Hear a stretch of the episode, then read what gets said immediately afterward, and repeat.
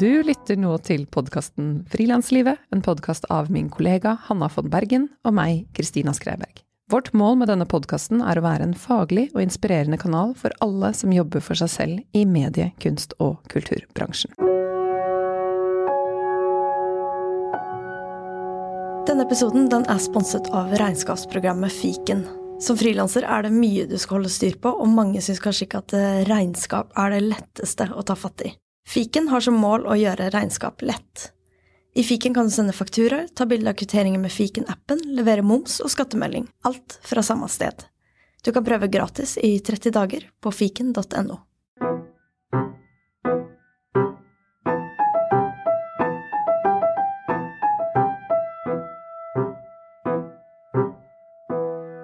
Jeg sitter nå på Spaces i Oslo og har besøk av fotograf Knut Bry. Knut er 72 år gammel og bor i Oslo. Halvparten av sin kar karriere har Knut bodd og arbeidet i Paris og New York, og den andre halvdelen for det meste i Oslo. Eller i sitt barndomshjem i Hallingdal, der han vokste opp. De siste tre årene har Knut viet til å jobbe som frivillig i asylleiren Pikpa på øya Lesvos i Hellas. Menneskerettigheter, rettferdighet og miljø er noe som opptar Knut. I dag vil jeg snakke med Knut om hans evige nysgjerrighet, hans skaperkraft og ikke minst hans engasjement. Og så syns jeg det er godt å ha en litt eldre frilanser sammen med oss i dag. For kanskje deler Knut av refleksjoner og erfaringer som jeg, som er en generasjon yngre, enda ikke besitter. Hei, Knut. Hei. Så hyggelig at du er her. Takk skal du ha. Dette har jeg gledet meg til. Jeg har spurt deg mange, mange ganger. Jeg har gledegruet meg. Ja, det tror jeg mange som er på besøk, Mm. eh, har gjort. Men du er altså blant venner, som jeg har sagt. Takk skal du ha. Eh, dere lyttere, jeg kjenner Knut litt fra før, fordi jeg i åtte år var med på å arrangere foredragskonseptet Pecha Kucha Night i Oslo. Og Knut han har vært på nesten alle 50 arrangementer som har blitt avholdt i Oslo. Knut tar bilder av arrangementene, og det gjør han bare sånn fordi han er grei. Og Knut, du har bidratt med bilder på scenen flere ganger, og du har selv snakket på Pecha Kucha nå nylig, etter å ha blitt spurt av oss mange, mange, mange ganger. Lett under tvang. Ja. Under Men det tvang. gikk visstnok rimelig bra. Det gikk veldig, veldig fint. Jeg var der. Og dette her er også under tvang. Jeg har spurt deg mange, mange ganger. Så endelig. Knut, du er en som er mer oppdatert på hvem som gjør hva, og hva som rører seg, hva som skjer, enn det jeg er. Du har mer energi enn meg, og du er over 70 år. Jeg er 38. Hvor tar du dette fra, Knut? Jeg vet ikke.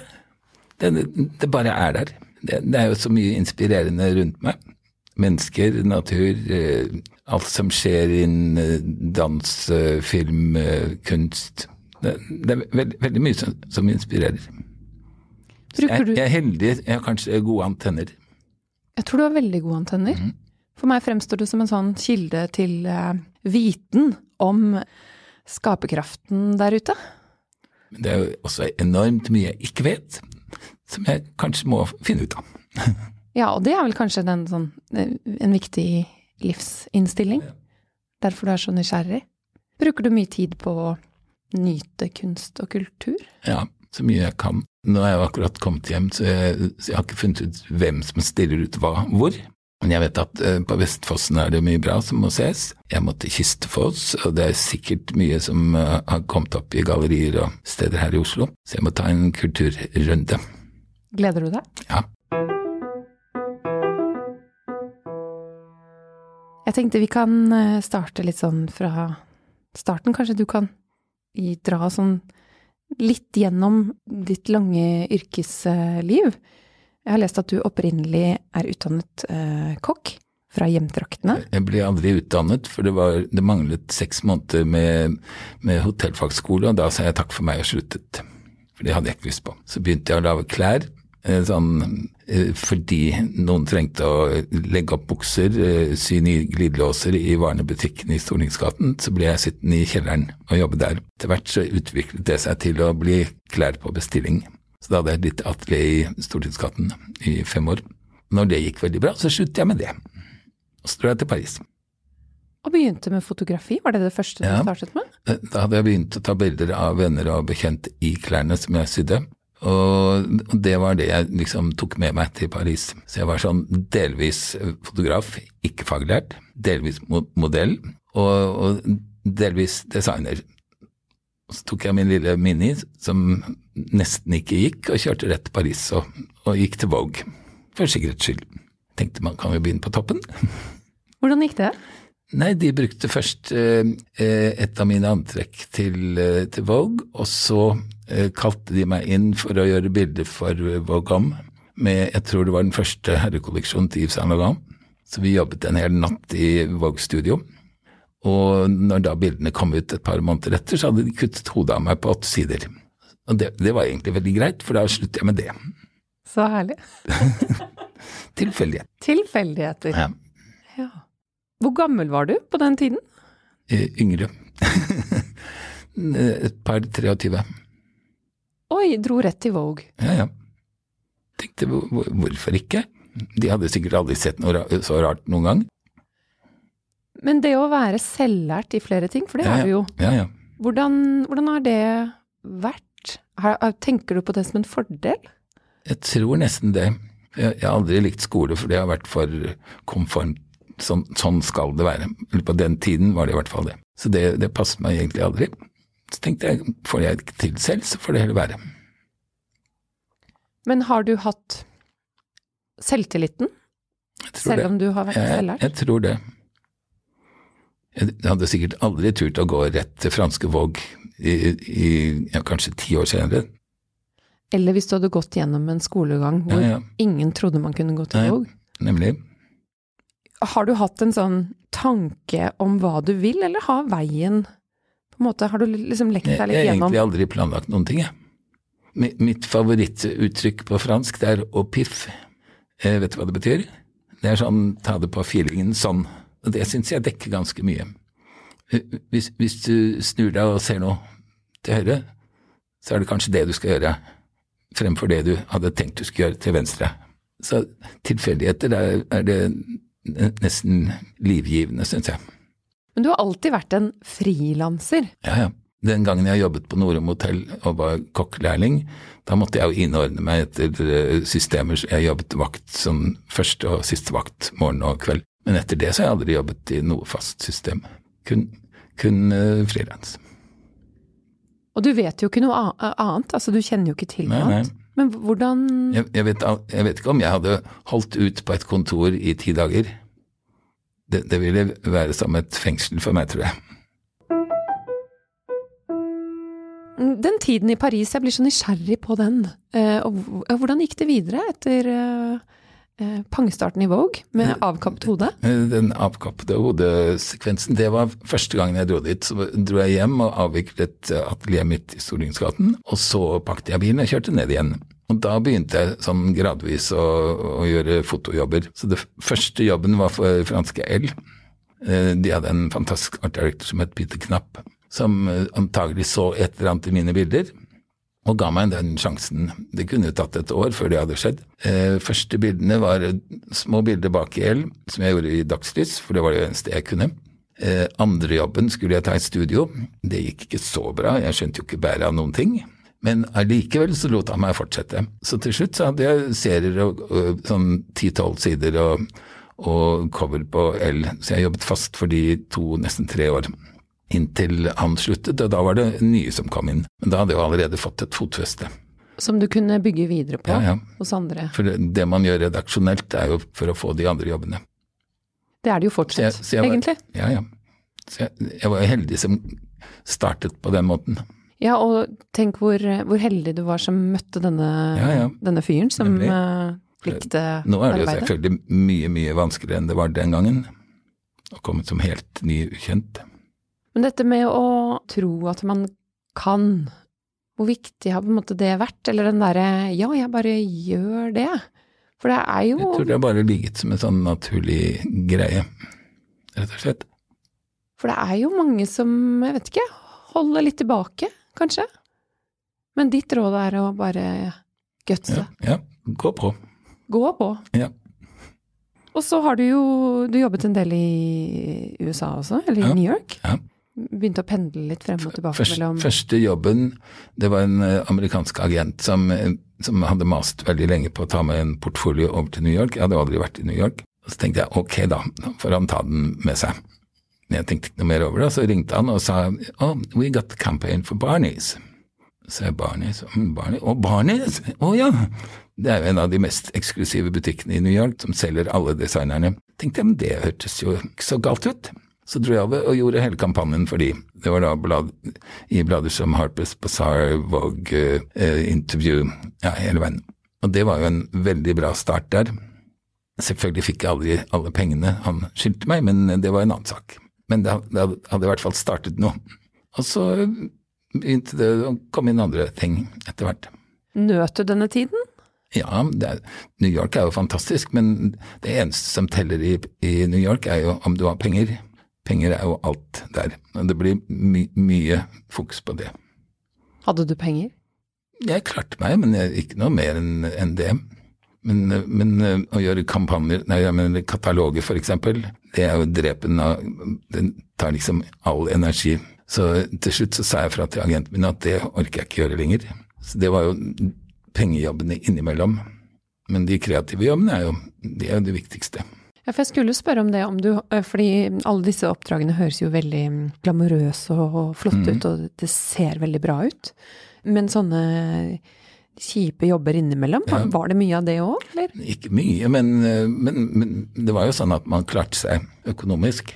Men, men mange, noen av de var så, så virkelig kjedelige at det var ingen grunn til å gjøre det rett og slett. Så gradvis så har jeg kommet til at jeg har ikke lyst til å pushe overforbruk i det hele tatt. Det gjorde jeg jo den gangen med de jobbene. Og det er jo absolutt ikke sånn du jobber nå, nei. nei. Det skal vi komme litt tilbake til. Ja. ja.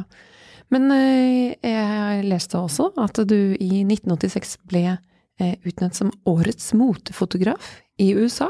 Ja, du har var, vunnet noen andre priser også, men Det var uh, American Photographers, det magasinet, som hadde forskjellige kategorier.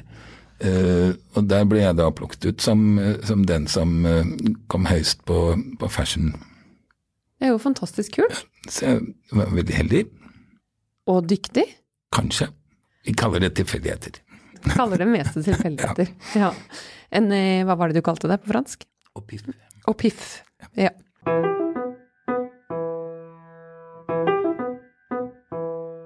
Jeg tenkte jeg skulle fortelle en litt sånn morsom historie, som også er en opiff, tenker jeg. Ja. Eh, for i, jeg tror det var i fjor, så fikk jeg en mail fra en redaktør i franske mm. Vogue. Fordi hun hadde googlet seg frem til et bilde som du hadde tatt av Whitney Houston, som jeg syntes var så kult at jeg for noen, noen år før det hadde la, lagt ut på min den gang eh, blogg. Jeg tror ikke jeg spurte deg om det var greit. Bare... Det var helt sikkert greit. det var helt sikkert helt greit. Sikkert. Jeg krediterte deg i alle fall, selvsagt. Eh, men jeg tror jeg skrev en liten sånn homasj til eh, Knut Bry, som hadde tatt dette kjempekule bildet av Whitney Houston i 1986 eller 87. Mm. Og som bare lå der og ble liggende på denne bloggen min, som egentlig er ganske eh, inaktiv for tiden, men det ligger noe der. Og denne damen i franske Vogue, hun skrev da at hun prøvde å nå Knut Bry, for hun hadde så veldig lyst til å sette dette på trykk. Og jeg husker jeg sendte en melding til deg, og du var liksom usikker på om du skulle bruke hele sommeren på å lete etter dette bildet i ditt eh, analoge arkiv eller ikke. Og jeg sa det må du. Jeg tror ikke du brukte hele sommeren, du fant det til slutt. Nei, det var, det var også en tilfeldighet, for jeg, jeg, hadde gitt opp, for jeg har jo millioner av bilder. Men til slutt så tenkte jeg nei, det finner jeg jo ikke, så jeg, jeg tror jeg sa fra at det, det, det, kan dere ikke få, for jeg finner det rett og slett ikke. Og så bladde jeg en gang til, og der lå det. To stykker. Så sendte jeg begge de, fikk skannet de på nytt og sendte de begge til Paris, og det var dobbeltside i franske Våg i var det augustnummeret i fjor, tror jeg. Ja, jeg tror det var augustnummer. Ja, for de hadde en stor serie om Whitney Houston. Så gøy. Ja, ja. Så takket være deg, så kom det på trykk. Jo da, jo. takket være at jeg snabbet dette bildet og puttet det på bloggen. Eh, dette med å ha et godt arkiv, eh, har du vært god på det da, eller? Det er svaret. Hvor har du alle bildene dine? Eh, de er litt spredt. Noe er i Hallingdal, mye er der, og noe er her i Oslo. Men de siste par årene så har jeg nesten låst skapet, for jeg orker ikke å se mer på dem. For det, det er jo så ustyrtelig mange. Så hvis du skal ha en retrospektiv utstilling en dag, så blir det en, eh, en god jobb Ja. å titte igjennom. Den jeg hadde på Vulkan for det fem år siden, da var det jo eh, Massimo Leardini og, og Marcel Lenhoff som, som ivaretok utvelgelsen, stort sett. Men jeg måtte jo legge det til rette for de, og de var allerede da ganske mye. Så jeg, så jeg vet ikke. Hva liker du best med ditt eh, virke som fotograf? Friheten. Jeg kan jo gjøre stort sett hva jeg vil når jeg vil. Men er det Friheten kunne du fått gjennom andre ting òg? Sikkert. Men eh, jeg vet jo ikke de andre tingene, siden jeg ikke har gjort dem. Jeg ser jo også på deg som en som samarbeider, eller har mange kule sånne samarbeid med andre mm. aktører. Ja. Ja, kan ikke du fortelle litt om det, eller sånn hva det gir å samarbeide med andre? Det er jo utrolig inspirerende. Og du, du både gir og tar hele tiden.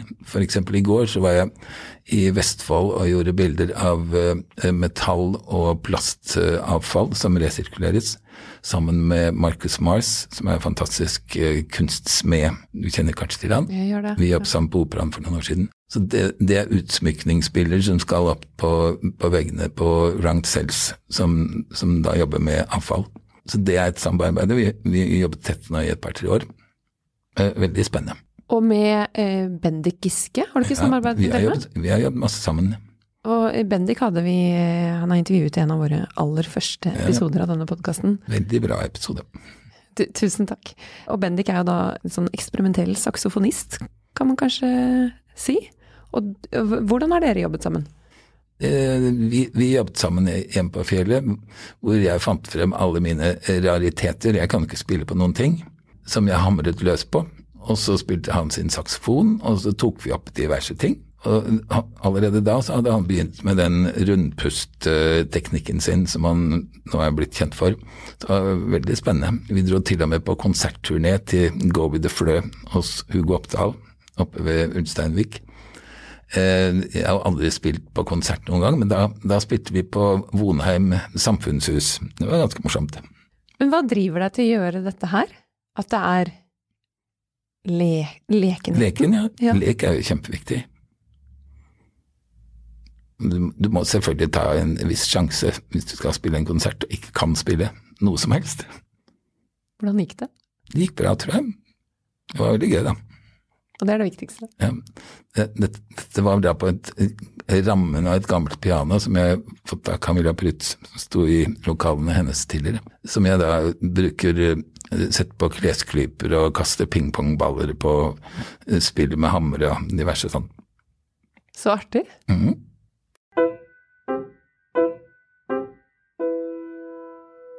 De siste ø, tre årene så har du jo jobbet som frivillig i asylleiren Pikpa på Lesvos i Hellas. Ehm, og tiden som du har tilbrakt i den leiren har resultert i boken Pikpa, som gir oss et sånn veldig fint innblikk i hverdagen i en flyktningleir. Eh, og menneskene der og livet der, og du har jo tatt eh, nesten alle bildene til den boken. Kan ikke du fortelle litt om eh, altså, hvordan havnet du der? Tilfeldigheter. Og Piff. Og piff. Jeg kom til eh, Lesvos første gang i eh, ja, det er vel ti ja, mer enn ti år siden. Eh, I bryllupet til mine venner eh, Kari og Ivar Mykland. Eh, Kari driver et kurs- og konferansesenter for Agder universitet der nede. Fantastisk eh, 1500-tallskloster som de har restaurert og bygget opp. Helt nydelig sted. Og i alle år så har Kari snakket om at vi må lage en kokebok, for de har en helt fantastisk matkultur der. Så Anders Hofgaard, min gode venn designeren, vi dro ned dit i mai 2016 for å lage kokebok. Der var det da konferanse med diverse akademikere fra Europa, deriblant en engelsk dame, Marie Gillespie, som trengte å dra til Pikpa, flyktningleiren, for å intervjue folk om hennes prosjekt, som er å forske på mobilbruken til flyktningene. For når de flykter, så er det det, det, er det viktigste bindeleddet de har med alt, egentlig. Med de hjemme og de de skal og, til. og Ja. de, de vet, Fortid og fremtid. De, de vet hvor de finner smuglerne, hva det koster å komme fra et sted til et annet. De har liksom all informasjon via den. hvordan de kanskje kan komme seg inn på et skip, smugles, ja, alt sammen. Eh, I alle fall så traff vi da masse fantastiske mennesker, og så dro jeg tilbake i august når jeg var eh, på Lesbos for å gjøre ferdig boken, og spurte om de trengte hjelp. Det gjorde de. Og så kom jeg dit i oktober 2016 og begynte å jobbe som frivillig. Først to måneder, så var jeg hjemme en måned, så dro jeg ned igjen. Så jeg har vært der tre juler på rad. Og til sammen tror jeg det blir ca. halvannet år. Nå siste gangen syv og en halv måned. Det har vært fantastisk fint å være der. Og da jobber du som frivillig? Ja, ja. Nå siste, siste året så har jeg hatt ansvar på kjøkkenet. Så jeg har lagd mat til mellom 20 og 40 personer hver dag. Ah, så fantastisk, Knut. det er jo så masse fantastiske mennesker som sitter bom fast der. Jeg kjenner jo familier som har bodd i leiren i tre år uten å komme noe sted, liksom. Det er virkelig tragisk hva Europa og Norge bedriver. Kan ikke du fortelle litt om akkurat denne leiren? Dette er en helt spesiell leir. Dette er sånn som flyktningleirer skulle vært. Alle har sikkert hørt om Moria, som er helvete på jord. Er, der har Leger uten grenser sagt det er antagelig den verste flyktningleiren i verden. Der er det fortsatt mellom 7000 og 8000 stuet sammen bak uh, høye piggtrådgjerder. De står i kø, de bruker kanskje tolv timer av døgnet på å stå i kø for å få mat. Står opp tre-fire på morgenen. Sanitærforholdene er helt uh, virkelig dårlige. Så vidt jeg vet så har de aldri hatt varmt vann der. Du kan tenke deg vinteren når det er ned mot null eller enda kaldere. På utsiden er det teltleir som har blitt noe bedre, men, men fortsatt så bor det jeg tror kanskje borti 2000 der også. Mens Pikpa, det er en åpen leir. Vi har plass til 100, 120. Nå er det bare 75 fordi har, økonomien har vært så dårlig siste, ja, fra nyttår at vi rett og slett ikke har penger for å drive mer. Her har de, som de sier selv, så er det som å være en stor familie. Her er det jo mange kulturer. Du har eh, afghanere, du har irakere, du har fra Kongo, fra, fra Sudan, og selvfølgelig fra, fra um, Syria. Men til dags dato har jeg aldri sett noen skikkelige konflikter der. Mens i Moria så har du konflikter hele tiden. Slagsmål, brann, det, det hele. Så, så det, den drives kun av, eh, av frivillige og, og donasjoner, Pikkbergleiren. Men er det sånn at det er behov for eh, fortsatt eh, hender, holdt jeg på å si? Å ja, ja. Hele tiden. Nå var vi, når jeg reiste nå for to uker siden, så var vi vel 16 eller 17 frivillige. Og det varierer jo. I julen så var vi åtte, i fjor i julen var vi bare fire, så det varierer veldig. Men det er jo det som vi kaller construction team, de som, de som holder leiren liksom i orden, bygger, reparerer, alt sammen. Det er jo den største delen. Og så har du da kjøkken, du har klesdistribusjon, du har matdistribusjon. Mange av familiene lager jo mat selv, så de får en kasse med mat, sånn råvarer, annenhver dag. Du har barnehagen, som er fantastisk program. diverse aktiviteter, engelskkurs, gresskurs, det gjøres veldig mye for de som bor der. Et lite samfunn? Ja. Et fantastisk sted. Er det sånn at du skal tilbake? Jeg regner med å dra tilbake i september, ja. Jeg anbefaler veldig å jobbe som frivillig. En eller annen gang i livet så burde alle prøve det. Hva, det, hva gir det deg? Veldig mye. Jeg, selvfølgelig har jeg blitt kjent med masse fantastiske mennesker. Jeg har jo kontakt med mine venner der nesten daglig enda. Og, og jeg lærer jo veldig mye som jeg kanskje aldri hadde kunnet oppleve andre steder. Er det sånn at du fotograferer en del mens du er der? Ja, du har jo laget denne boken. Hele, hele tiden. Men, ja. Jeg tar bilder kronisk, og hver dag så ønsker jo alle beboerne Sånn, der, der, så du bra ut. Sånn, kjempefint.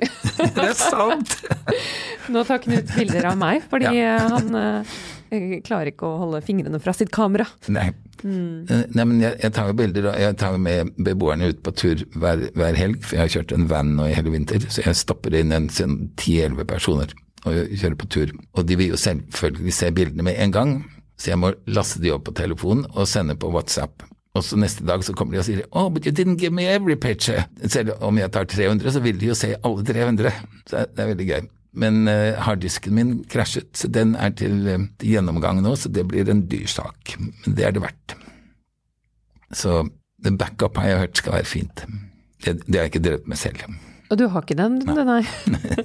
backup er veldig Det er en ja. fin greie. Ja. ja. Du har jo også tatt bilder av eh, øynene, det husker jeg, sånn til 26 mindreårige asylsøkere fra Ja, ja. Afghanistan, som dere viste frem utenfor Stortinget. Ja, Eh, jeg fikk eh, skoleklasse på Elvebakken til å bære de 26 bildene i en stor sirkel foran Stortinget. Jeg kan ikke tenke meg at noen på Stortinget gadd å se ut vinduet den dagen. De drakk, trakk sikkert for gardinene for å ikke vite at det skjedde noe der, men vi prøvde i hvert fall. Det bør settes mer fokus på måten folk behandles på her. Deportasjonshysteriet her syns jeg er ganske lavmål.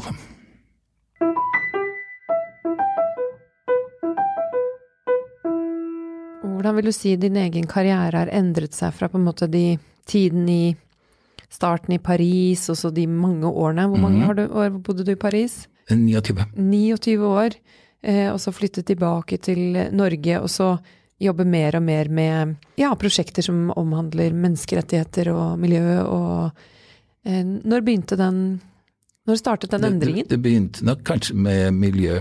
For jeg, jeg har jo jobbet med Bellona og, og miljørettede prosjekt i mange år før dette, men, men også tilfeldigheter. Så gradvis over de siste 10-15 årene, kanskje. Du er jo ganske kompromissløs nå de siste årene i, sånn, i Ja. valg av prosjekter. Ja. Um, Jeg, jeg er jo pensjonist, da kan jeg gjøre hva jeg vil. Men du har vel alltid gjort hva du ville? Ja, Eller? enda mer nå. Enda mer nå, ja. Mhm. Men er du pensjonist? For det, vil jeg, det står på Nei, nei. listen her også. Har du pensjon? Ja, vel det antagelig. Ja. Regner regn med det. Sparte du noensinne til pensjon? Jeg gjorde nok det, ja. Ja, ja. Ja, så bra. ja, ja. Så du har eh, passet litt på din egen Ja, ja. Heldigvis. Når begynte du med det? Nei, når begynte man med det? Det, det må jo ha vært på 80-90-tallet. Så du har vært en sånn eh, ansvarlig Men- frilanser Men, men med god hjelp av venner. s- som har sagt at du skal Ja, ja. gjøre det? ja, ja. Ja. Som har dyttet deg i Litt riktig dytting retning? her og der. Seriøs dytting er bra. Det er veldig bra. Ja, ja. Gode venner eh, som vet det beste. Ditt beste. ja, ja. Så nå er du pensjonist, ja. Så nå kan du, føler du det? At du kan leke mer nå? ja, men jeg, jeg, har- jeg har ikke sett den store forskjellen, da. Nei, for du er vel minst like aktiv? Ja, egentlig. Når vi er inne på det, hvordan har økonomien vært opp gjennom årene? Jeg, har, jo klart meg sånn jevnlig, men jeg har jo liksom aldri tenkt at nei, jeg må ha mer, mer, mer, mer hele tiden. Så lenge jeg har, har det basic needs nærmest, så, så er jeg fornøyd. Så jeg, jeg syns den har vært grei. Men har du gjort noen eh, kompromisser, eller lagt opp livs, livsstilen på en viss måte eh, gjennom livet, eller i perioder for å få ting til som du har ønsket å få til? Nei, egentlig ikke. Men, men øh, jeg har alltid sagt nei til jobber som jeg ikke trodde på. Så din sånn lede, eller sånn opphiff har vært at du, det skal kjennes riktig Ja, å gjøre det, ja. og si nei til det som ikke kjennes Nemlig. riktig. Selv om det kanskje er mye penger i det. ja men hva skal man med alle de pengene, da? Hvis du klarer det, så det holder, syns jeg. Det holder, ja. Du har en hengekøye. Kan ikke du Ja, fortelle ja, om den? Jeg har tre hengekøyer. Du har tre, ja. Ja, ja. Jeg har alltid med meg en hengekøye. I dag har jeg den ikke, for jeg sykler. Men eh, normalt så har jeg alltid med meg en hengekøye rundt omkring. Så jeg har, her i Oslo så har jeg mange forskjellige hengekøyesteder. På Ekeberg, ved, ved Maridals, nei, Sørkedalsvannet, ved eh, Fornebu, diverse steder. Så det, er- det er utrolig behagelig å bare slenge opp hengekøyen på et sted hvor det er en eh, flott utsikt, selvfølgelig. Og så bare ligge der to-tre timer. Ikke noen ting kan anbefales. Du nevnte da vi gikk inn her at du er en henge... Hengekøyoman, hvis man kan kalle det det. Når begynte du med dette her? Eh, Første hengekøyen kjøpte jeg når jeg var i Brasil en gang på 80-tallet, tror jeg. Som jeg hadde i, i leiligheten i New York. Og siden så har det bare blitt til at den ble med. Så jeg har slitt ut flere. Og i New York, var, brukte du den mest i leiligheten, eller Ja. var du, hadde Nei, du den med deg? der var det en innehengekøye. Nå er det typisk utehengekøye. Hvor flittig vil du si du bruker, eller ligger i hengekøya? F.eks.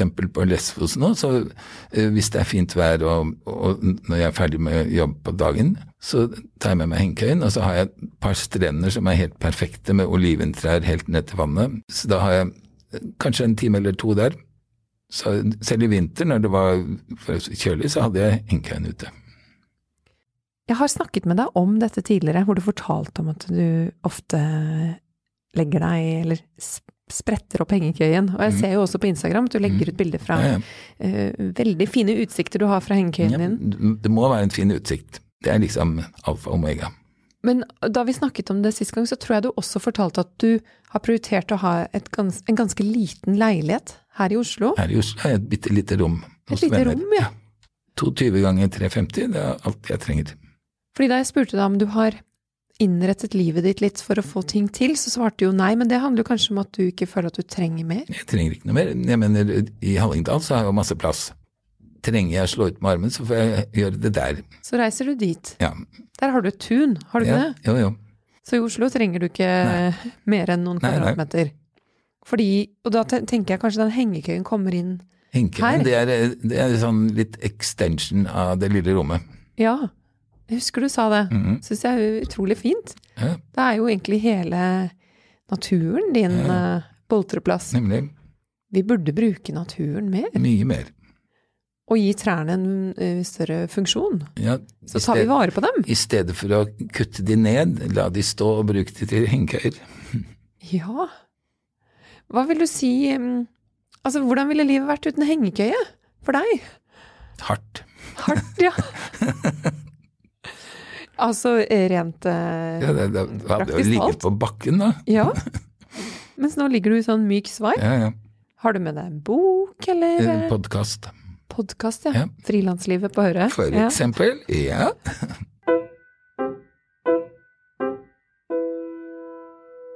Hvordan er det å bli eldre i din bransje? Hvordan opplever du det? Jeg har egentlig ikke tenkt over det. Så fantastisk. Nei, rett og slett. Alder er jo noe man burde slippe å tenke over. Ja. Alder er jo noe tull, Alder er noe tull, ja. rett og slett. Og du, slik jeg, eller gjennom de årene jeg har kjent deg, så gjør du jo det samme Ja, ja. eh, hvert eneste år, holdt jeg på å si. Eller du gjør ikke det samme, du gjør jo tiden nye ting. Men eh, Knut er den samme. Ja. Nei, alder er noe tull. Alder er noe tull. Er du komfortabel med å bli spurt om alder? Ja, Hvorfor Ja. skulle jeg ikke det?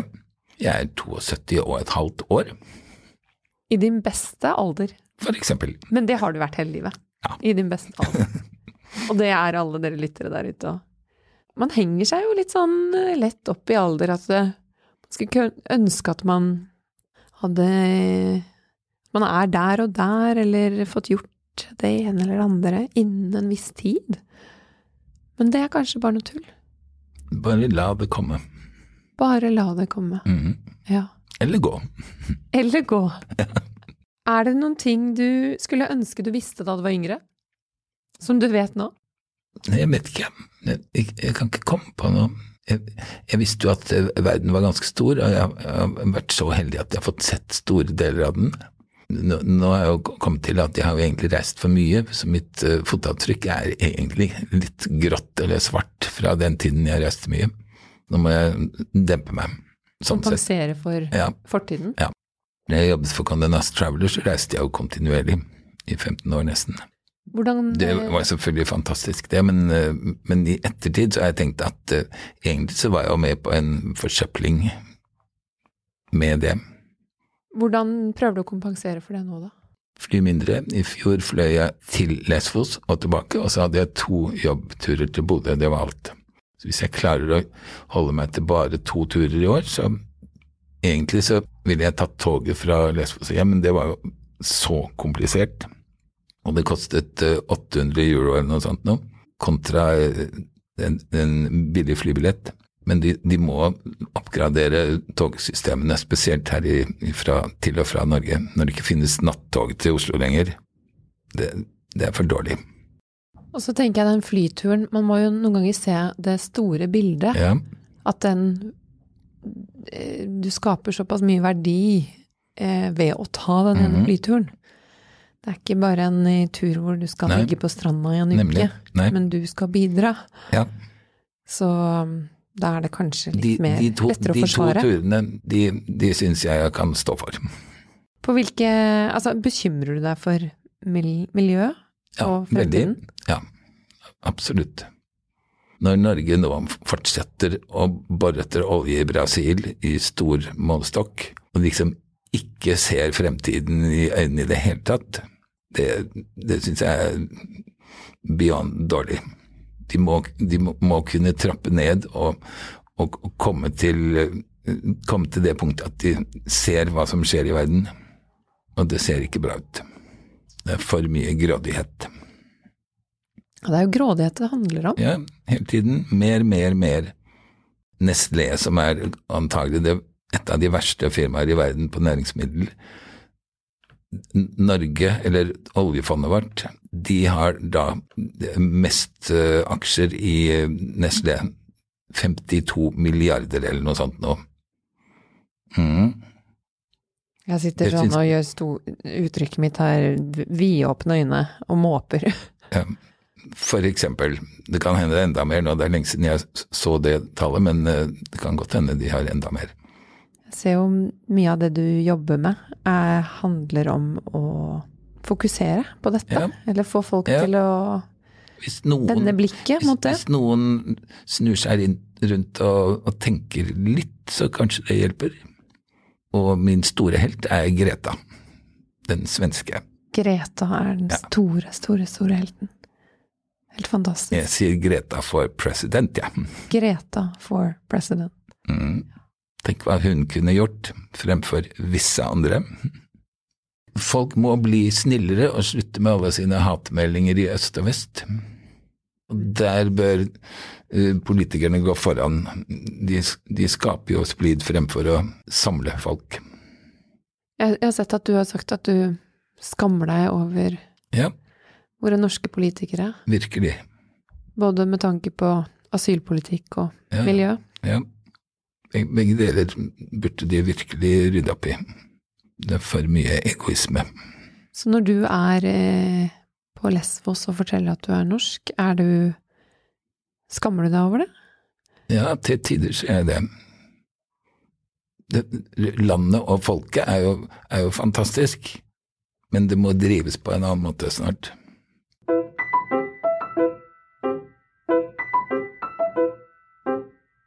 Jeg, jeg syns jo det er veldig interessant det der at du bor i en eh, liten Eller at du er så for, tilfreds, på en måte. Jeg synes, Stort sett så syns jeg har det bra der jeg er, når jeg er der. Det spiller egentlig ikke noen rolle om jeg, jeg, jeg trenger ikke noe luksus. De gangene jeg har jobbet for Travelers, har jeg jo bodd på femstjerners hotell, men det er, jo, det er jo helt plastisk, egentlig. Jeg, jeg trenger ikke noe av det. Du trenger bare en hengekøye. Hengekøye, tak over hodet, mat. Du, du er eh, så fornøyd. Jeg, jeg, jeg har jo mye å være fornøyd for, da. Jeg er jo heldig. Har du noen sånne ting du gjør for deg selv, for å på en måte mm, Som gir deg mye? Uavhengig av foto? Natur, musikk, kunst, dans spesielt. Jeg har jobbet så lenge med Jo Strømgren Kompani, det, det har jo vært veldig berikende i alle de årene. Så det ligger jo der, det er jo veldig visuelt, det meste. Musikk er jo kjempeviktig. Jeg syns også du er så god på eh, sosiale medier. Du er så aktiv og viser hvor du er, hva du gjør og hva som skjer og Det er, jo- det er jo ganske morsomt. Når, når uh, Tina Agent, altså da agenten min, uh, sa nå må vi begynne å, å operere på, på Instagram. Jeg hadde jo aldri gjort det før. Jeg hadde vel kanskje vært på Facebook. tenkte jeg, "Mm, ja, kanskje det. Siden det så har jeg jo bombardert hver eneste dag nesten i flere år. Det, det er jo morsomt. Det, er jo ikke for likes, men, men, men at, at jeg kan spre noe, da. Og ser du også på hva andre legger ut, eller er du mest Ja, ja. opptatt av- ja. Ja, ja, det, Mhm. det er, det er mange fantastiske eh, fotografer eh, som, som legger ut virkelig mesterverk, syns jeg, noen ganger. Hvordan tenker du på denne endringen fra det, det analoge til det veldig digitale, hvor alt deles av alle? Og den tilgangen vi har til eh, hverandres arbeid og Alt blir litt for åpent noen ganger, syns jeg. Det, er jo grenser for hvor mange, mange bryllup og barnedåper og, og nye katter man holder ut. Men det, det, er jo, det er jo spennende, da. Men det med å kunne finne ting man inspireres av, da, syns du det er positivt med at det er lettere å kanskje finne Ja, det? ja det er det. Det er det. Men det, det, men det tar tid å finne de, de, de kanalene på Instagram, syns jeg. Du må liksom gjennom mange før du finner Å, der er det en fantastisk. Så det er nesten sånn samleobjekt når du, når du finner de mest interessante. Ja, blant alle kattene så Ja. dukker det opp én Jeg, jeg, jeg, jeg tror kanskje jeg har et kattefilter på min, min telefon. Knut, eh, tusen takk for at du gjestet Frilanslivet. Takk for at jeg fikk være med, da. Veldig hyggelig å prate med deg. Tusen takk. Hvis noen har lyst til å støtte Ja, Lesvos og Eller pikk på leiren på Ja. Så kan man altså da gå inn på lesvossolidarity.org. Finne mer informasjon, bidra eller reise ned. reis ned. Eh, For å kunne jobbe der, så bør man ha fylt 23, og man bør være der minimum to måneder.